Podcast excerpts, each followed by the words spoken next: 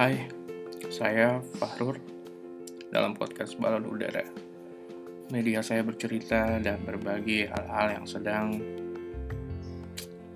yang sedang dialami dan dipelajari. Oke, okay.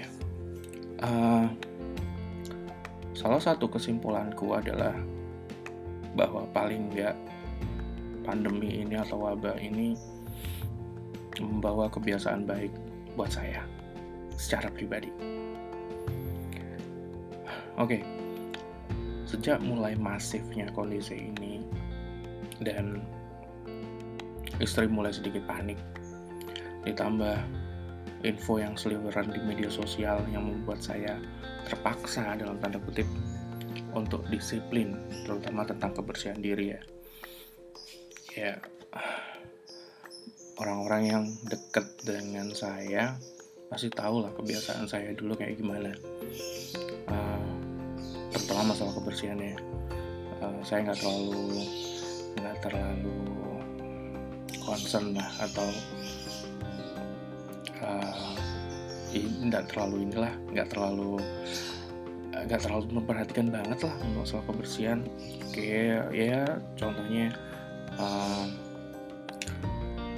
masalah ganti pakaian dalam lah misalkan. Jarang-jarang habis itu hmm, sebenarnya hemat juga sih. Hemat hemat gak nyuci baju jarang nyuci baju. Terus macam uh, mandi uh, saya saya termasuk orang yang uh, cukup hemat air ya. Uh, cukup hemat air. Mandi sebentar habis itu uh, cukup sekali dalam sehari.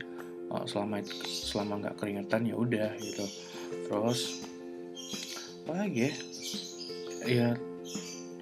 Uh, terus jarang memperhatikan kayak misalkan apa ya? Uh, kayak oh ini ini pakaiannya sudah udah udah sering dipakai udah beberapa hari dipakai ya harusnya dicuci gitu. Nah itu enggak gitu.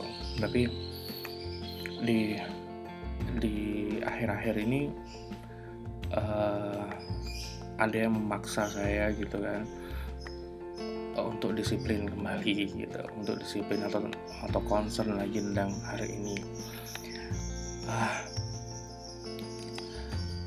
yang paling ketara yang paling yang paling kelihatan itu adalah uh, kebiasaan baru ini. Sebenarnya sebenarnya sih nggak uh, baru cuma apa namanya jarang saya lakukan.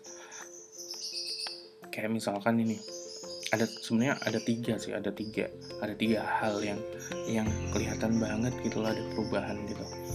Hmm, yang pertama adalah cuci tangan hmm, ya semenjak pandemi ini terus apa namanya uh, sosialisasi masalah cuci tangan itu di mana-mana.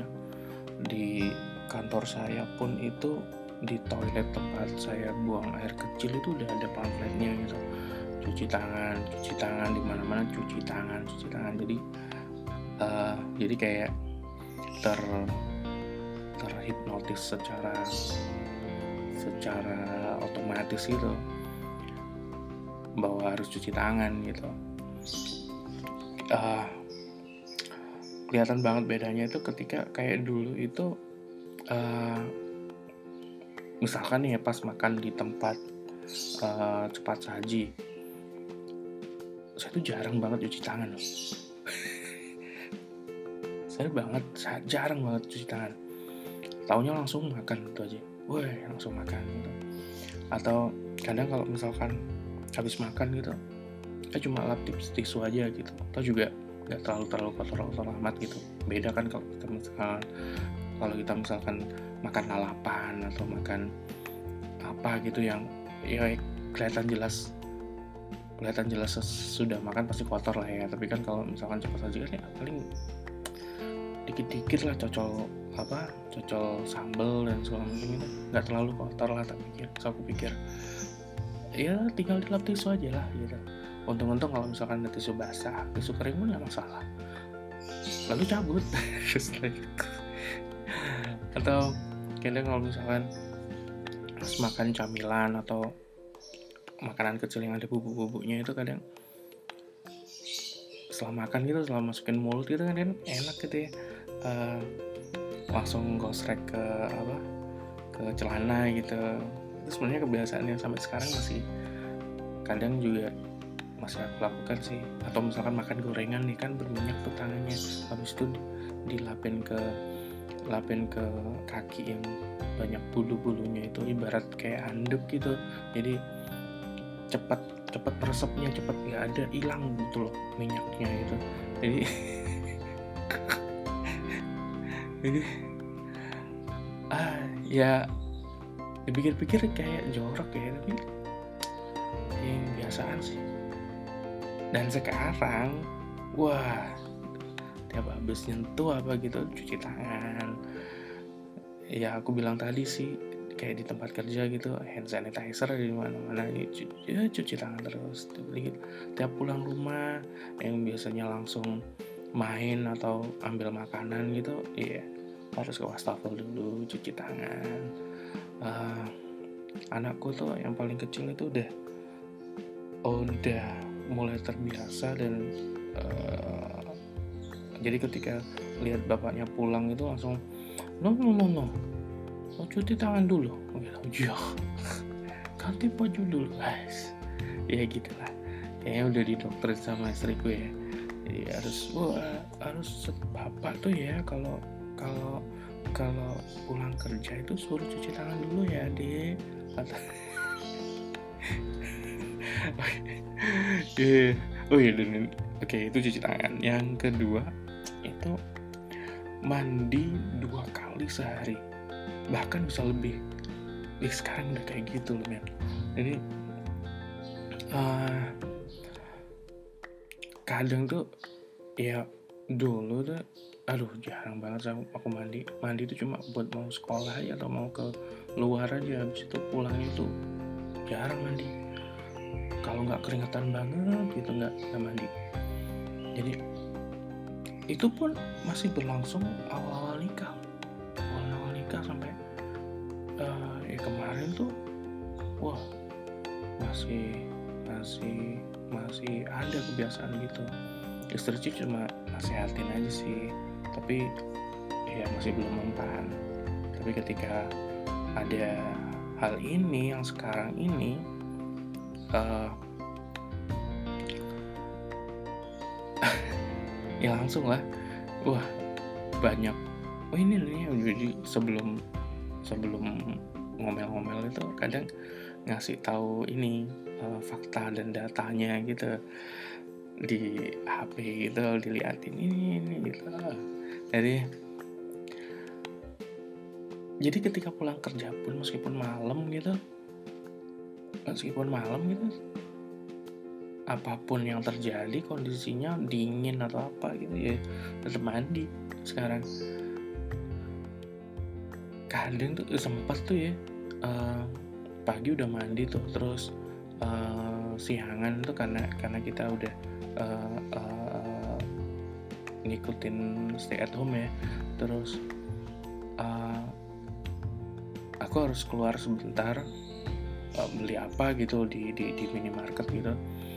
Uh, udah gitu terus uh, habis itu balik suruh mandi lagi. Mandi lagi saya jadi ya lucu sih. Uh, tapi sebenarnya enak kok mandi itu. Aslinya kalau udah kebiasaan itu kayak jadinya enak gitu seger terus gitu. Dan kayak bersih gitu badan gitu. Dan kebiasaan ketiga saya itu sekarang adalah rajin cuci baju. Hmm. ya meskipun yang nyuci bukan saya yang nyuci saya cuma nyiapin nyiapin aja baju-baju kotor di tempatnya gitu. Terus yang lapin semua itu yang mesin cuci lah. Alhamdulillah dapat mesin cuci gitu. itu udah lama tuh. Udah ya semoga baik-baik saja lah. Itu udah awal pernikahan itu. Sekarang udah masih oke. Okay.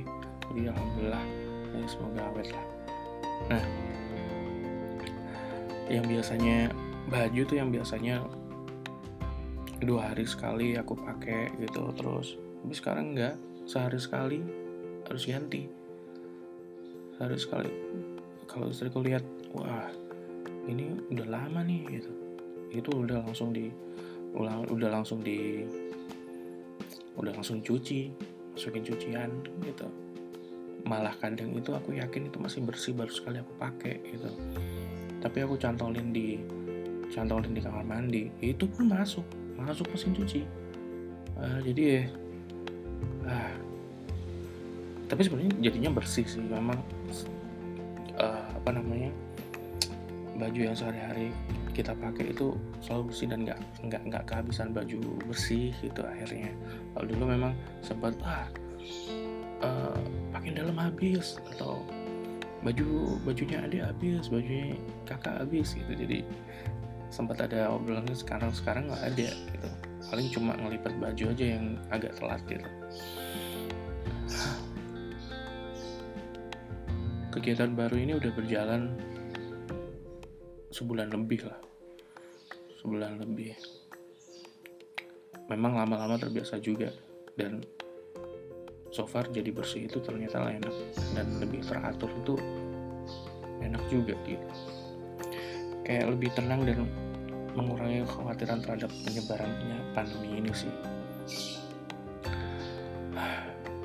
kita nggak bakal tahu pasti pandemi ini kapan akan berakhir ya kan bisa jadi lebih lama dari yang kita perkirakan.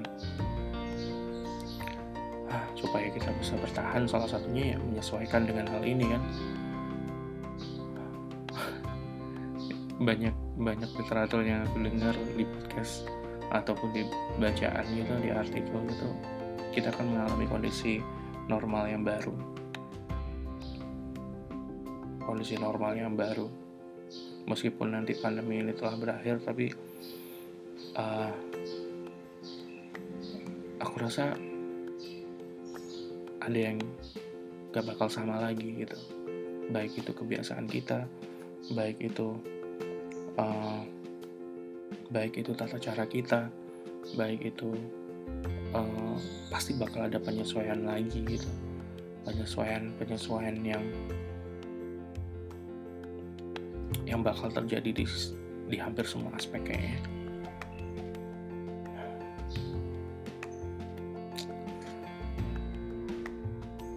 Ada ketika ketika aku baca buku tuh ada buku buku yang itu uh, seni bersikap masa bodoh itu uh, sebuah seni oh se sebuah seni mengenai bodoh amat itu eh kayak gitulah itu aku pernah nyatet tuh ada ada perkataan ini di di buku itu saya tidak memilih kehidupan seperti ini. Saya tidak memilih kondisi yang mengerikan ini. Namun saya harus bisa memilih bagaimana untuk menghidupinya. Saya harus memilih bagaimana saya bisa hidup dengan keadaan ini. Dan sepertinya itu yang harus kita lakukan. Kita mesti bisa hidup dengan kondisi seperti ini ya. cepat beradaptasi, dengan cepat melakukan banyak penyesuaian. Termasuk kebiasaan-kebiasaan baru yang aku jelasin tadi. Remeh sih, remeh banget. Tapi bagi bagi orang yang baru melakukan kebiasaan itu seperti aku nih itu berimpact sekali men Semoga kalian juga punya kebiasaan baru juga yang tentunya baik juga di di era pandemi ini. Sampai di sini dulu podcast kali ini. Semoga kalian sehat selalu dan kita bakal ketemu lagi di cerita-cerita yang lain. Dadah, Assalamualaikum.